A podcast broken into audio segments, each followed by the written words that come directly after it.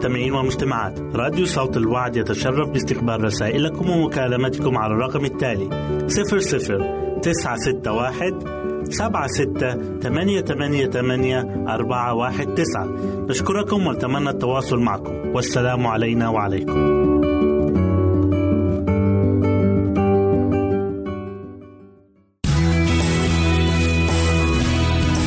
استماع وتحميل برامجنا من موقعنا على الإنترنت www.awr.org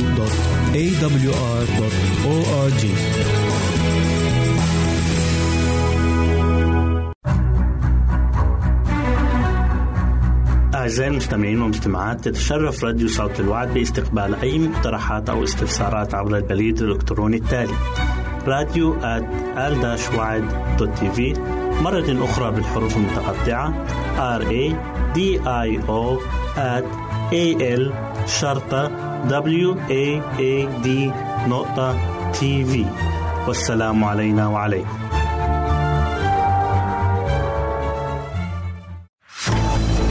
أعزائي المستمعين والمستمعات راديو صوت الوعد لا يكتفي بخدمتكم عبر الموجات الصوتية فقط بل وإنه يطرح لكم موقعا إلكترونيا يمكنكم من خلاله مشاهدة أجمل البرامج الدينية الثقافية الاجتماعية وغيرها من المواضيع الشيقة. يمكنكم زيارة الموقع من خلال العنوان التالي www.al waad.tv مرة أخرى بالحروف المتقطعة www.al-waad.tv والسلام علينا وعليكم.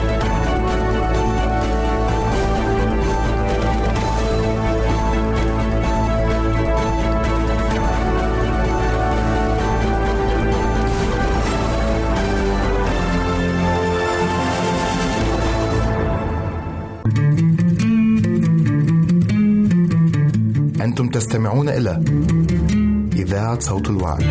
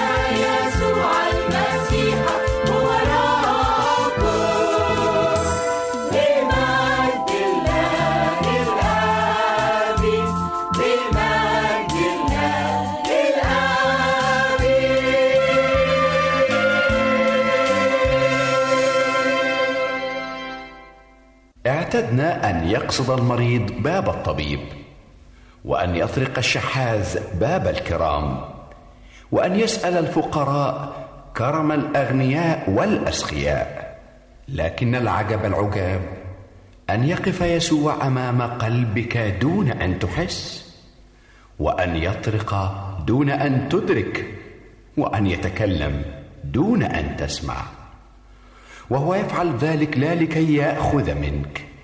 بل لكي يعطيك ما دفعه لأجلك على صليب محبته لك. وهو يفعل ذلك رغم أنه السيد الذي يطرق باب العبيد. وهو طبيب الأطباء والمعطي بسخاء بل هو ملك الملوك ورب الأرباب. أعزائي المستمعين والمستمعات راديو صوت الوعد يتشرف باستقبال رسائلكم ومكالمتكم على الرقم التالي 00 961 سبعة ستة ثمانية ثمانية ثمانية أربعة واحد تسعة. نشكركم ونتمنى التواصل معكم. والسلام علينا وعليكم.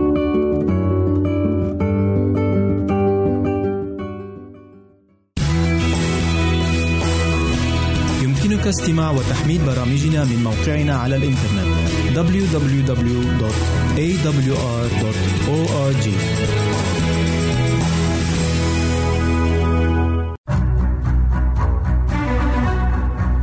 أعزائي المستمعين والمستمعات تتشرف راديو صوت الوعد باستقبال أي مقترحات أو استفسارات عبر البريد الإلكتروني التالي راديو تي في مرة أخرى بالحروف المتقطعة R A D I O at A L شرطة W A A D نقطة تي في والسلام علينا وعليكم. أهلا وسهلا بكم مستمعينا الكرام في كل مكان. يسعدني أن أقدم لكم برنامج أطفالنا زينة حياتنا. وحلقة اليوم هنتكلم فيها عن تهذيب الطفل عقليا. لا يمكن فصل العقل عن الجسد لأن العقل هو المسيطر على الكل. فما فيش حركة جسدية بتتم إلا بواسطة رسائل بتصدر عن العقل. وأي حاجة الطفل بيتعلمها من الأعمال الجسدية بتكون بتعاون العقل وضبطه ليها. بالظبط زي ضبط الحركات العضلية واتزانها. أو نقولها بطريقة تانية إن العقل هو المدبر الأكبر اللي بيسيطر على كل الحركات الجسدية. لغاية ما كل الحركات ديت بيقوم بيها الجسم بطريقة تلقائية. من غير ما الطفل يدي انتباه أو يبذل مجهود. بيصل الطفل في نموه إلى درجة يجب معها الانتباه إلى قوة التفكير فيه. ودي بتكون وظيفة العقل. لأن العقل بيقوم بعمله بيستقبل كل الإشارات اللي بتنتج عنها الحركة الجسدية واللي بتكون بعد كده تلقائية. وفي الوقت ده بتكون مراكز الوعي اتخلقت في الدماغ. ولما الطفل بيصل لهذه المرحلة من النمو بيكون المفروض علينا إننا نوجه اهتمامه وذكائه. طبعا مفيش شك إن الطفل كان بينمو في النواحي التانية من حياته. فإذا أخدنا بالنا في الوقت ده ومشينا الطفل على برنامج صحي مناسب من ناحية الأكل والشرب فده هيخلي الطفل يكون ذكائه كويس ويكون متيقظ أكتر. والحقيقة إن كل يوم بنكتشف مظاهر جديدة من ذكاء الطفل. بتزيد يوم بعد التاني وده أمر بيدهشنا جدا وبيصير إعجابنا. لكن نعمل إيه عشان نحول ذكائه ده والقوة العجيبة اللي فيه اللي أوجدها الله إنها تكون مفيدة؟ إزاي نخليه يستخدم ذكائه وإنه يكتسب معارف إلى أن تصبح كل هذه الأشياء مساعدة ليه في حياته المستقبلية؟ نيجي لحاجة تانية نتكلم عنها وهي النشاط العقلي والبيئة. ولازم نقول إننا نقدر نعمل كتير من الناحية ديت. ما ينفعش ناخد كل حاجة بالمقاييس اللي إحنا عارفينها. لأن إمكانيات عقل الطفل ممكن تكون أكبر عن كده بكتير. لازم نتيح الفرصة لعقل الطفل إن هو ينمو لأن في أطفال بيكون النمو العقل بتاعهم سريع جدا وبيكونوا مدركين لكل حاجة بتحصل حواليهم. فالطفل بيتعلم من اللي بيشوفه بيتعلم من الأصوات اللي بيسمعها في البيئة اللي عايش فيها وبينمو ذكائه من الأفراد اللي هم حواليه اللي عايش معاهم. بيقدر يميز ده من طريقة كلامهم وملامح وشهم ونغمة أصواتهم أو أي أعمال بيقوموا بيها. الثقافة البيتية وضبط النفس واستعمال اللغة كل دي عوامل مهمة جدا في تهذيب عقل الطفل. فالطفل بيحب نغمة صوت أمه بيحب يشوف ابتسامتها على وشها بيحب يسمع رنة كلماتها في ودانه وده بيدفعه لحب التقليد إن هو يقلد كل حاجة بيشوفها. وبيكون ده من أهم المؤثرات وأكثرها قيمة بالنسبة للطفل. وزي ما في مقولة بتقول في إمكانيات في حقول كتيرة قليلين قوي هما اللي بيحلموا بيها. يا ريت الوالدين يجربوا إذا كان بإمكانهم. لازم نستفيد من عقل الطفل لأنه بيكون عنده قابلية إنه يتعلم ويكتسب عادات كويسة. يعني مثلا التعليم عن طريق اللعب. لو طفل مثلا عنده سنة حتى لو سنتين أو سنتين ونص إن الأم ترسم على ورقة صورة حرف من الحروف الهجائية وتقطعها مثلا أو تقصها بالمقص وتخلي الطفل يشوفها وتعلمها له. هنلاقي إنه في وقت قصير جدا الطفل اتعلم الحرف وقدر يميزه وعرف شكله. بعد كده تنتقل الأم الحرف تاني. وهكذا. هنلاقي إنه ما بين ست شهور لسنة هيكون الطفل اتعلم معظم الحروف أو ممكن يكون اتعلمها كلها. لكن مفيش داعي إن الأم تلح أو تخلي الموضوع ده عبء تقيل عليها أو تديله اهتمام كتير لأنها معاها متسع من الوقت. وعشان كده هي تقدر تقوم بالموضوع ده من غير انزعاج أو من غير ما تسبب إرهاق لطفلها. لأنها تتعامل معاه على أساس إنه مجرد لعبة مش أكتر. ولو عملنا كده مع الطفل لما هيجي الوقت يروح المدرسة هيكون قطع شوط كبير جدا في تعلم الحروف وهيكون اتعلمها على مهله من غير ما نكون أرهقناه أو أجهدنا جهازه العصبي زي ما بيحصل مع أولاد كتير أحيانا. لأنه خلاص هيكون اتعود على الحروف وعلى الأصوات بتاعتها وعلى شكلها وده هيسهل عليه القراية والكتابة بعد كده. نيجي بعد كده لمرحلة القراءة. الطفل هيكون طالما اتعلم الحروف وعرف شكلها وعرف النطق بتاعها إزاي هيكون من السهل عليه بعد كده إنه يتعلم القراية. يعني مثلا لو حاجة مكتوبة على غلاف مجلة زي كلمة يوم أو كلمة باب أو كلمة ماما أو بابا ممكن يسأل عنها مرات كتير. إحنا ككبار ممكن نزهق لما الطفل بيكرر الكلمة كذا مرة. لكن بالعكس هتكون لذة لينا بعد كده لما نعرف إن الطفل بيتعلم من خلال تكرار الكلمات قدامه. كمان ممكن نجيب مجلات ونقصقص منها مثلا صور حيوانات أو صور لأي حاجة إحنا عايزين نعلمها للطفل ونلزقها على لوحة ونكتب تحتيها الأسماء بتاعتها. خصوصا الحيوانات اللي هي مألوفة بالنسبة له زي مثلا الكلب أو القطة. أو فرخة أو أي حاجة تكون معروفة بالنسبة له ومش صعب عليه. والطريقة دي هتعلمه القراية وهتنمي فيه قوة الملاحظة. وبكده أعزائي نكون وصلنا لنهاية برنامجنا أطفالنا زينة حياتنا. نسعد بتلقي آرائكم ومقترحاتكم وتعليقاتكم. وإلى لقاء آخر على أمل أن نلتقي بكم. تقبلوا مني ومن أسرة البرنامج أرق وأطيب تحية. وسلام الله معكم. أعزائي المستمعين والمستمعات راديو صوت الوعد لا يكتفي بخدمتكم عبر الموجات الصوتية فقط بل وإنه يطرح لكم موقعا إلكترونيا يمكنكم من خلاله مشاهدة أجمل البرامج الدينية الثقافية الاجتماعية وغيرها من المواضيع الشيقة. يمكنكم زيارة الموقع من خلال العنوان التالي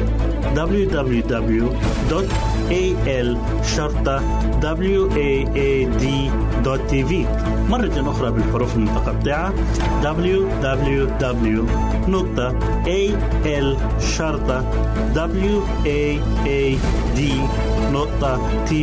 والسلام علينا وعليكم.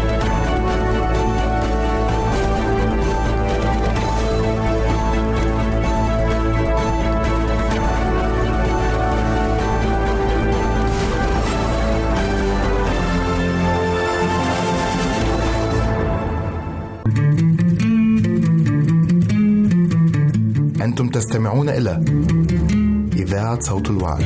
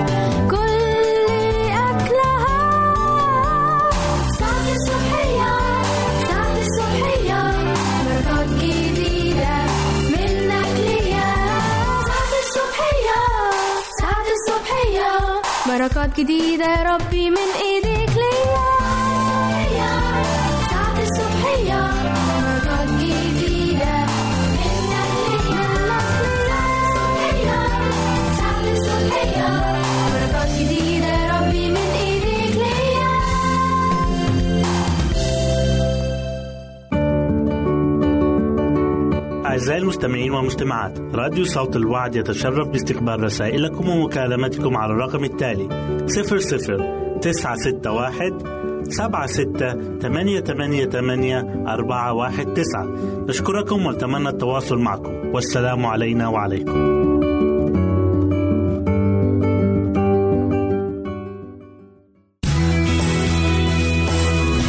يمكنك استماع وتحميل برامجنا من موقعنا على الإنترنت. www.awr.org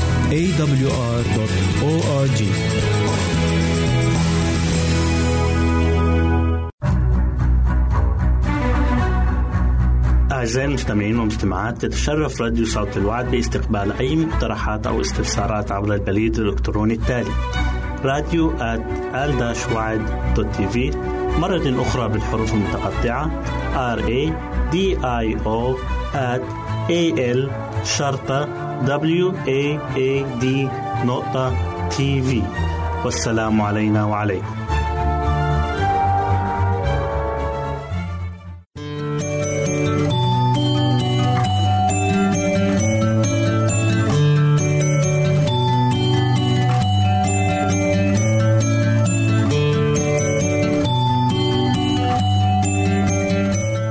حبايبي الحلوين أهلا بيكم في برنامج قصص وحكايات لأحلى صبيان وبنات.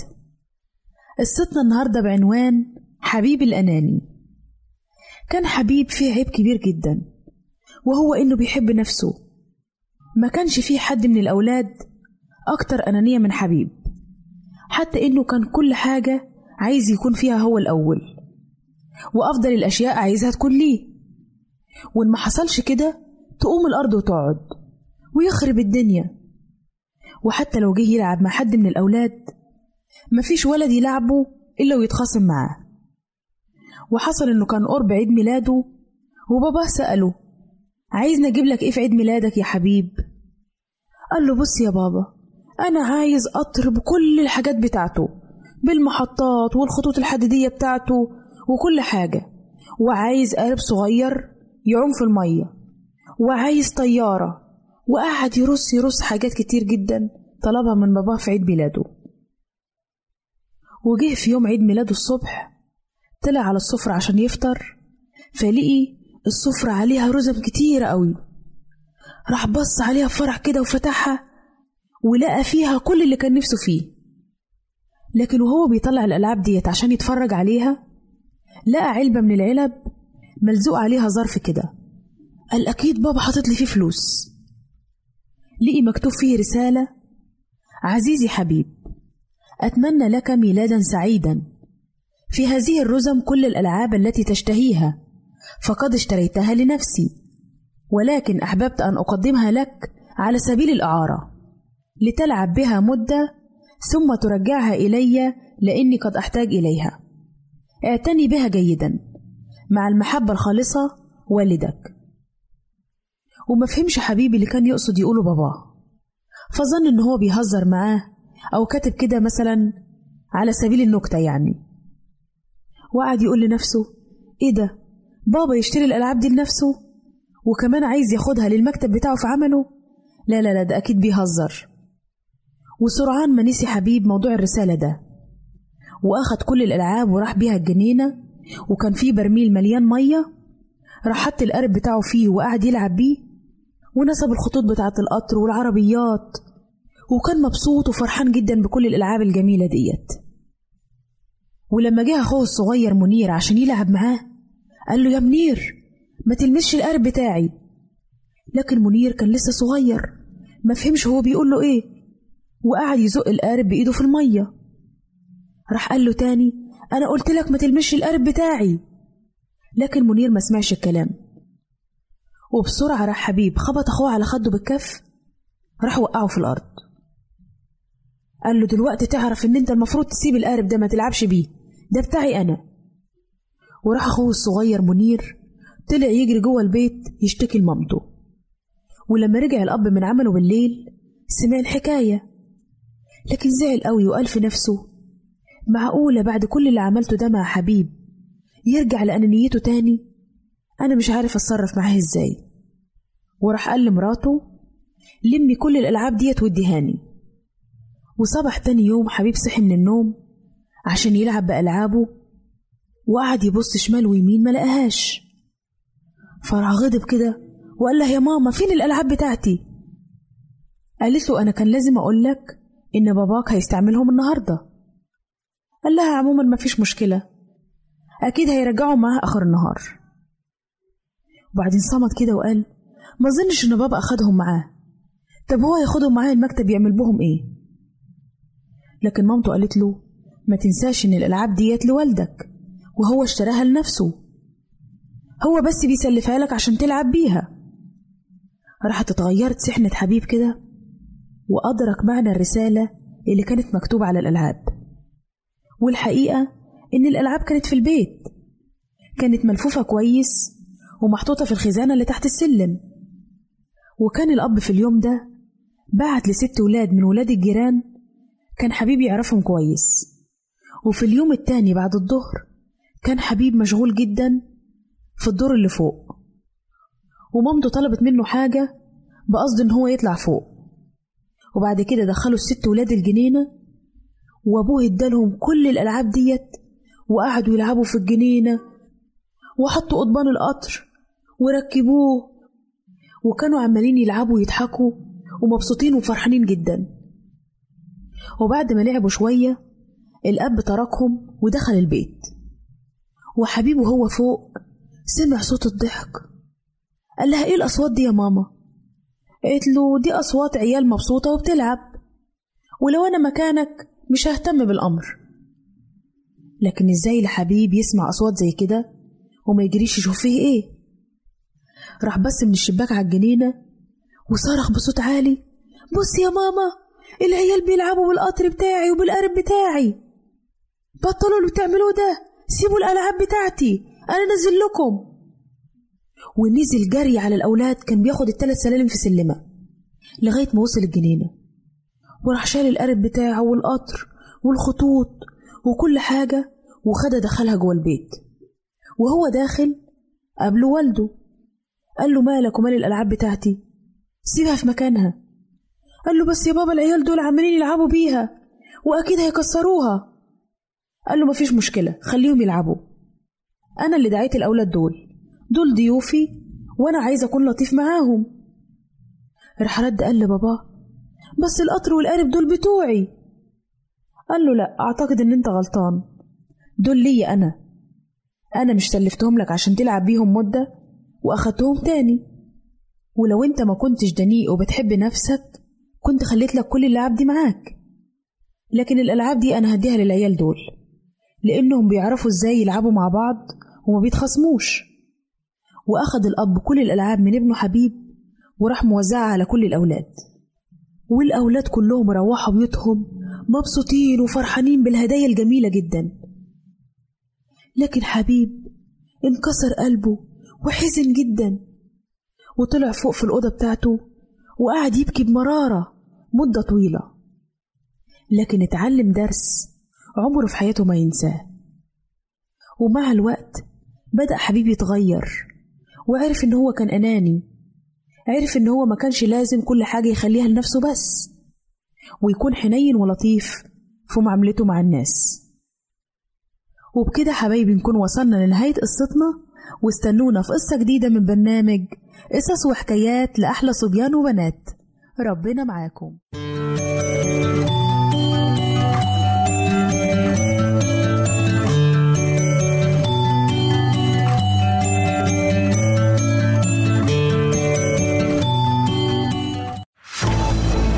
أعزائي المستمعين والمستمعات راديو صوت الوعد لا يكتفي بخدمتكم عبر الموجات الصوتية فقط بل وإنه يطرح لكم موقعا إلكترونيا يمكنكم من خلاله مشاهدة أجمل البرامج الدينية الثقافية الاجتماعية وغيرها من المواضيع الشيقة. يمكنكم زيارة الموقع من خلال العنوان التالي www al شرطة waad دوت تي مرة أخرى بالحروف المتقطعة www نقطة al شرطة waad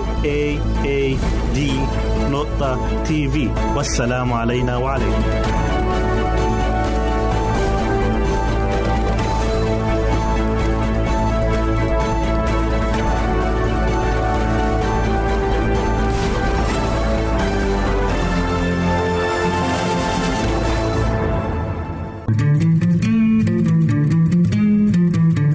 أنتم تستمعون إلى إذاعة صوت الوعي.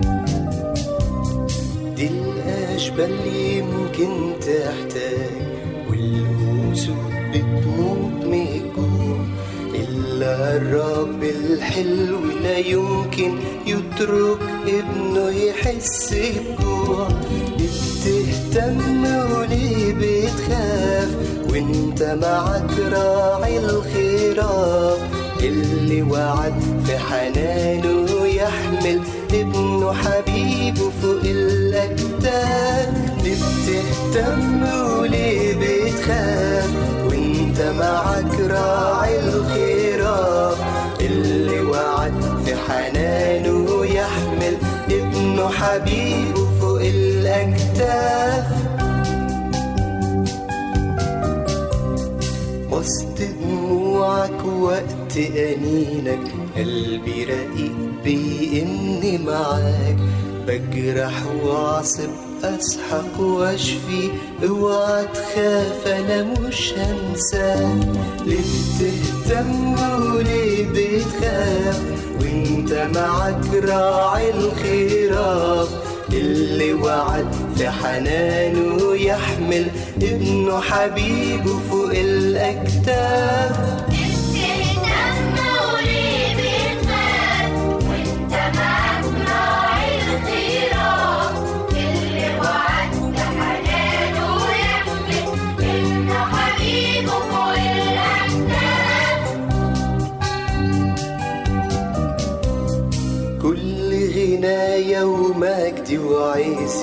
كل ما ليا دفع لإيديك وعدي إليك يا حبيبي الغالي. كل دقيقة أعزائي المستمعين والمستمعات راديو صوت الوعد يتشرف باستقبال رسائلكم ومكالمتكم على الرقم التالي 00 961 سبعة ستة ثمانية ثمانية ثمانية أربعة واحد تسعة. نشكركم ونتمنى التواصل معكم. والسلام علينا وعليكم.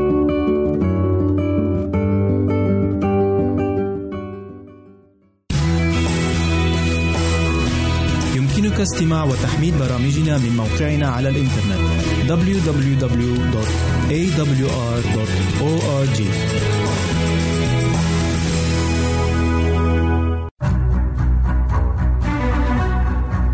أعزائي المستمعين والمستمعات تتشرف راديو صوت الوعد باستقبال أي مقترحات أو استفسارات عبر البريد الإلكتروني التالي.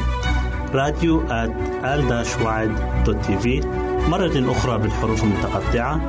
R A D I O A L شرطة W A A D نقطة تي في والسلام علينا وعليكم.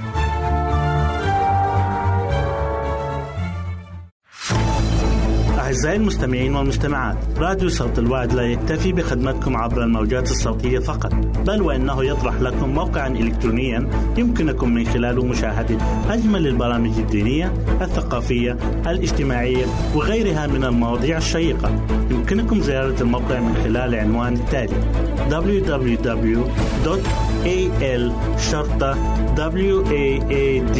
www.al-waad.tv مرة أخرى بالحروف المتقطعة. Www.al-waad.tv والسلام علينا وعليكم.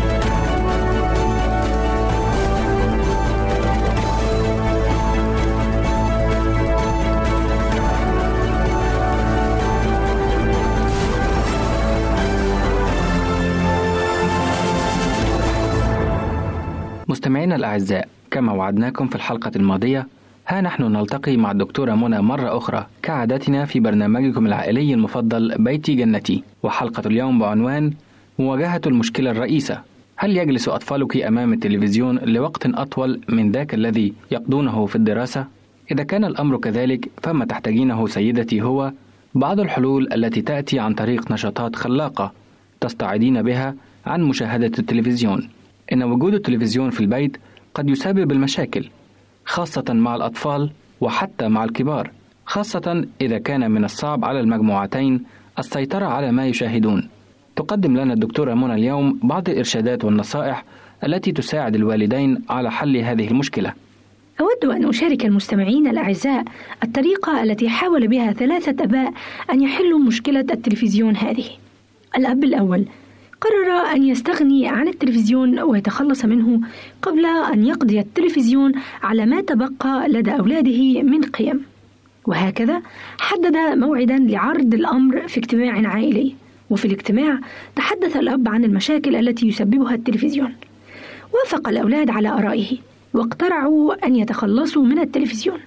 وحيث لم تعد حاجة لمشاهدة التلفزيون بعد ذلك فقد وضعوه في الجراج لحين البت في مكان دائم يحفظوه فيه. وهكذا تراكمت الأتربة فوقه.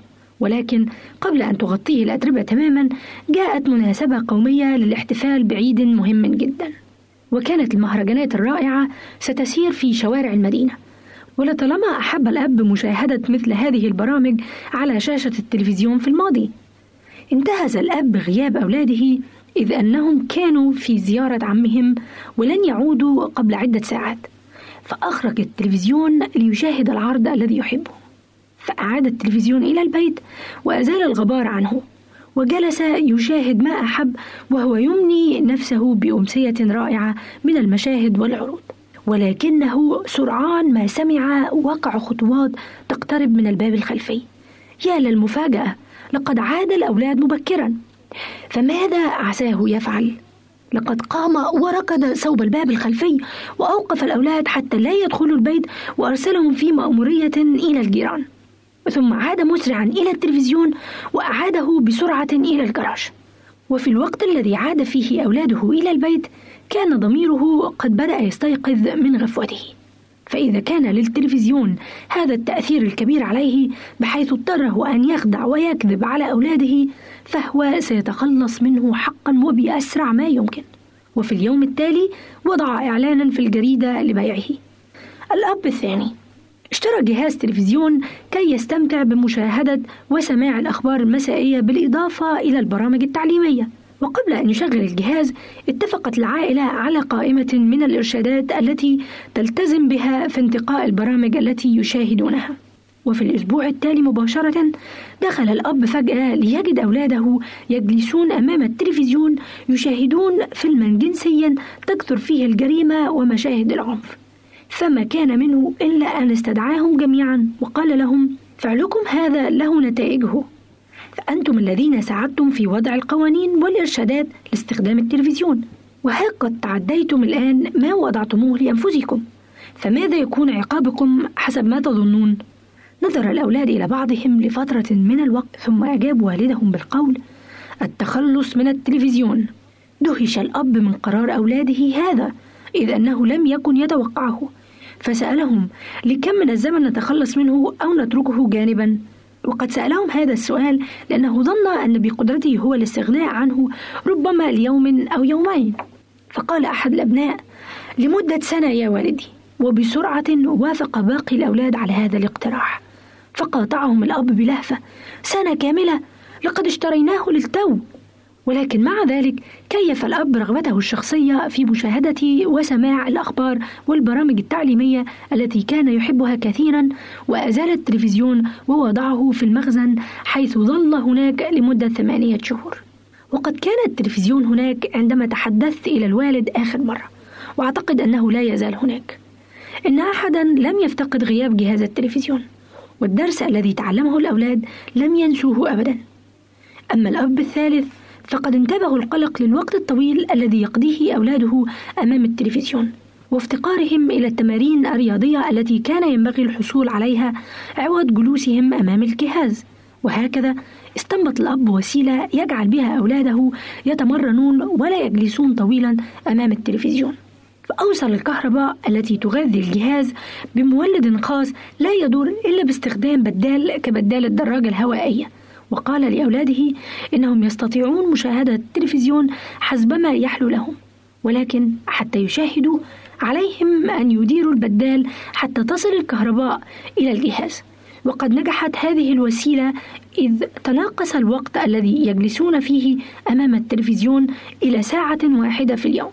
أو حتى أقل من ذلك وأدى هذا إلى تحسن صحة الأولاد نتيجة التمارين. لا أدري نوع القرار الذي تتخذونه بهذا الصدد. أعزائنا الآباء والأمهات هل تقررون بيع التلفزيون أو خزنه لبضعة سنوات أو مجرد التحكم في وقت المشاهدة ونوعها؟ مهما يكن قراركم أرجو أن تفكروا مليا في تأثير التلفزيون على حياة أفراد أسركم. وأن تتحلوا بالشجاعة لعمل ما ترونه أفضل. لا شك أن سلبيات جهاز التلفزيون في البيت أكثر من إيجابياته خاصة إذا كان في العائلة أولاد يذهبون إلى المدرسة. فحبذا لو امتثلنا نحن لنصيحة الدكتورة منى ووضعنا حدا للضرر الذي يلحقه هذا الجهاز بعائلاتنا. وإلى أن نلتقي في حلقة قادمة لكم منا كل أمان السعادة والتوفيق في هذا المجال. وإلى اللقاء.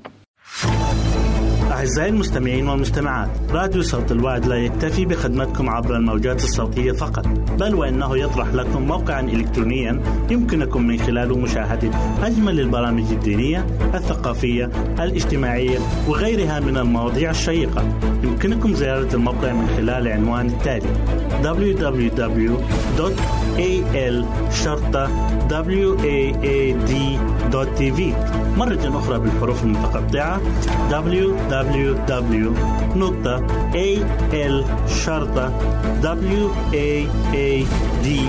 www.al-waad.tv والسلام علينا وعليكم.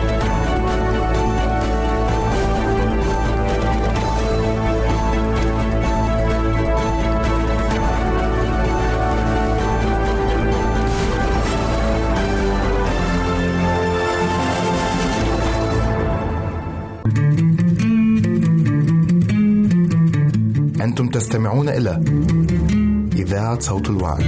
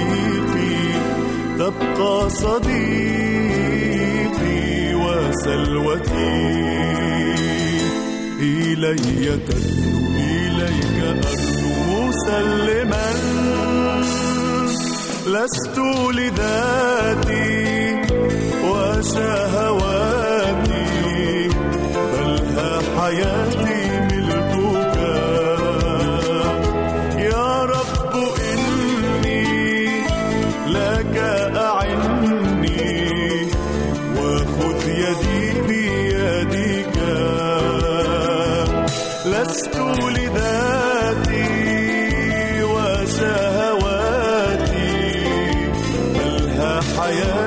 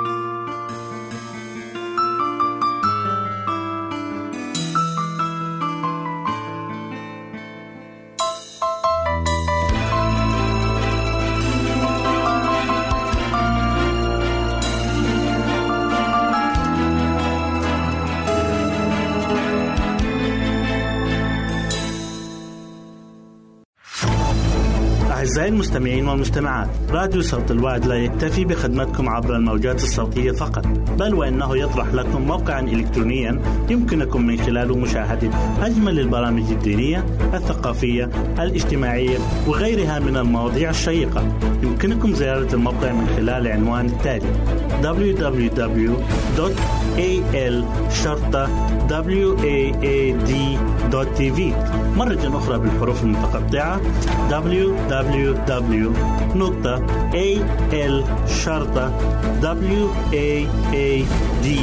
www.al-waad.tv والسلام علينا وعليكم.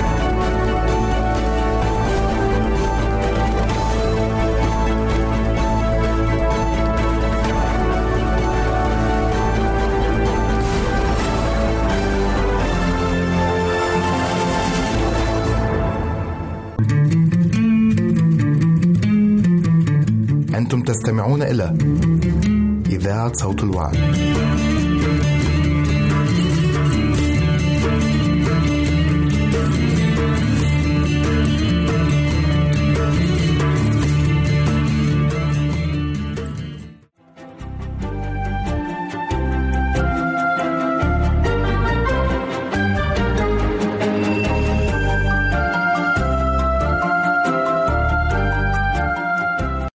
أخرى نرحب بكم أعزائي المستمعين في حلقة جديدة من برنامج دروس حياتية من عائلات كتابية.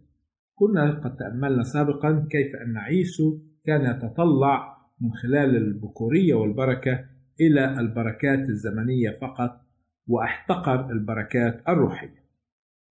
إذا كانت هناك نبوءة على أن يعقوب سيقدر البركات الروحية في حين أن عيسو سيحتقرها ويهملها فهل كانت الطريقة التي عملتها رفقة ويعقوب في خداع إسحاق؟ هل كانت طريقة صحيحة؟ وهل كان الله يوافق عليها؟ كانت خطة الله بالفعل أن تكون بركات البكورية ليعقوب وليس لعيسو. كما قلنا لأن يعقوب كان يقدر هذه البركات الروحية ويفكر دائما في الحياة العتيدة لا في الحياة الحاضرة. إلا أن الطريقة التي عملتها رفقة وأقنعت بها يعقوب ابنها أن يخدعا إسحاق أبيه في الحصول على البركة ليعقوب. هذه الطريقة لم تكن بحسب إرادة الله إطلاقا. ويظهر من كلمات يعقوب لأمه أنه لم يوافق في بادئ الأمر على فكرتها وكان يخشى أن تجلب له هذه الخدعة لعنة لا بركة. ولكن في نهاية الأمر نفذ ما طلبته أمه رفقة وخدع أبيه إسحاق وحصل على البركة. لقد فعلا هذا الشيء أي رفقة ويعقوب في ساعة واحدة. ولكن النتيجة كانت الندم طيلة الحياة. لقد حصل رفقة ويعقوب بعملهما هذا على المتاعب والأحزان حيث أن وعد الله سيتم ولكن في الوقت الذي يعينه الله وبالطريقة التي يراها.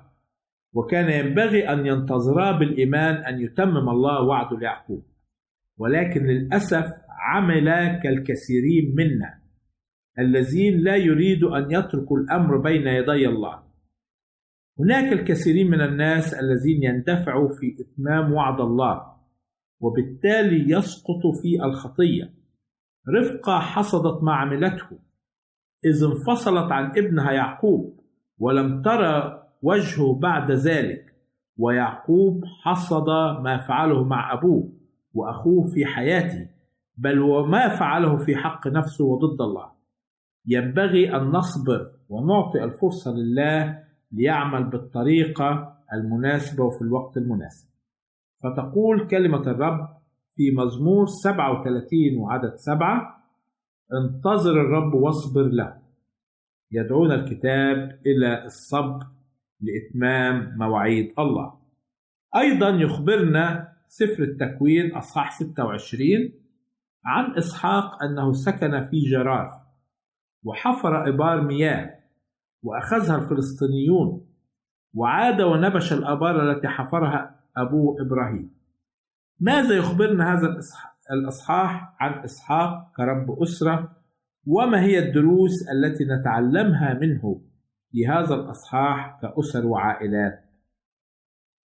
يبدأ هذا الإصحاح بأنه نزل إلى جرار وسكن فيها ونقرأ أنه عمل ما عمله إبراهيم سابقا في مصر وفي جرار أيضا. إذ قال عن سارة أنها أخته. كذلك فعل إسحاق وقال في جرار أن رفقة أخته خوفا أن يقتله أهل المكان من أجل امرأته. والجدير بالملاحظة أن أبي مالك الذي كان في وقت إبراهيم يختلف عن أبي مالك الذي كان في وقت إسحاق. فالفارق الزمني بينهما حوالي قرن من الزمان. المهم أن إسحاق خاف أن يقول أن رفقة زوجته. وهنا كان يمكن أن يعرض زوجته لمخاطر كبيرة. وهنا يظهر بهذا التصرف ضعف إيمانه وثقته في الله القادر أن يحفظه ويحميه. للأسف في بعض الأحيان نجد أن عدم قول الصدق قد يعرضنا ويعرض ذوينا وعائلتنا لمخاطر كبيرة. يمكن أن نتجنبها لو تكلمنا بالصدق ووضعنا ثقتنا كاملة في الله. وهذا الدرس يجب أن نتعلمه كأسر وعائلات. دعونا نقرأ في أمثال 22 19 و 20 يقول الكتاب ليكن اتكالك على الرب عرفتك أنت اليوم. وعدد 22 يقول لا تسلب الفقير لكونه فقيرا ولا تسحق المسكين في الباب. كما قلنا بأننا قد نكذب بسبب الخوف ولكن الكتاب المقدس يشجعنا ألا نخاف. فنقرأ أيضا في عبرانيين 13 عدد 6 حتى أننا نقول واثقين الرب معين لي فلا أخاف ماذا يصنع بي إنسان؟ لا يجب علينا كأفراد في عائلة أو أسرة أن نكذب أو نخاف. حتى وإن كنا نعتقد أن الكذب سينجينا لكن الصدق سيجعل الله معنا وهذا هو الأهم. نرجع للسؤال السابق بأن إسحاق حفر أبار مياه ونبش الأبار التي حفرها إبراهيم أبوه وردمها الفلسطينيون. وإذا قرأنا أصحاح 26 بالتدقيق نجد أن إسحاق وعبيده حفروا حوالي أربع آبار مياه. أخذها الفلسطينيون إثنان منها أخذ إثنان منها الفلسطينيون ونعرف من هذه الآيات صفات حلوة كانت في إسحاق أنه كان رجل سلام لم يلجأ للمشاكل والمنازعات. كذلك نعرف عنه أنه رجل مجتهد ومثابر لم يكل ولم ييأس. وآبار المياه هذه كان لها الفضل الكبير في غنى إسحاق حيث كان اعتماده الأساسي في الزراعة والرعي. ونجد أن إسحاق لم يكتفي بالآبار التي حفرها بل أعاد الآبار التي حفرها إبراهيم أبوه بعدما ردمت. وهذا درس عظيم لنا كأسر وعائلات. فهناك الكثير من الآبار في حياتنا. نحتاج أن ننبشها ونجعلها تعمل بعدما تعطلت وتوقفت زمانا طويلا. في ختام هذه الحلقة أعزائي المستمعين سعدت أن أكون معكم وإلى لقاء آخر. سلام الرب يكون معكم. نرجو التواصل معنا عبر هذه العناوين. للتشات www.al-waad.tv وللرسائل radio at al-waad.tv والاتصال عبر الواتساب 961 76 888 419 961 76 888 419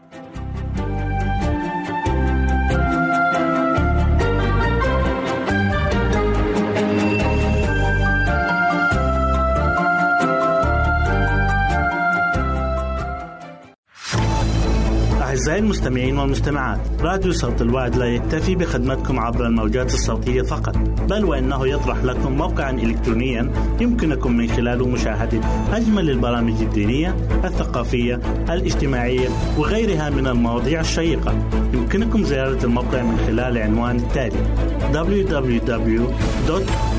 Al شرطة w a a d في مرة أخرى بالحروف المتقطعة.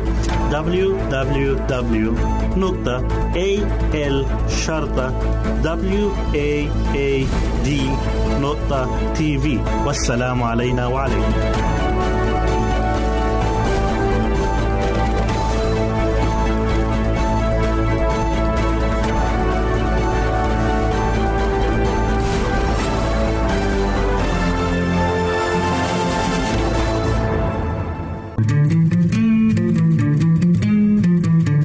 أنتم تستمعون إلى إذاعة صوت الوعي.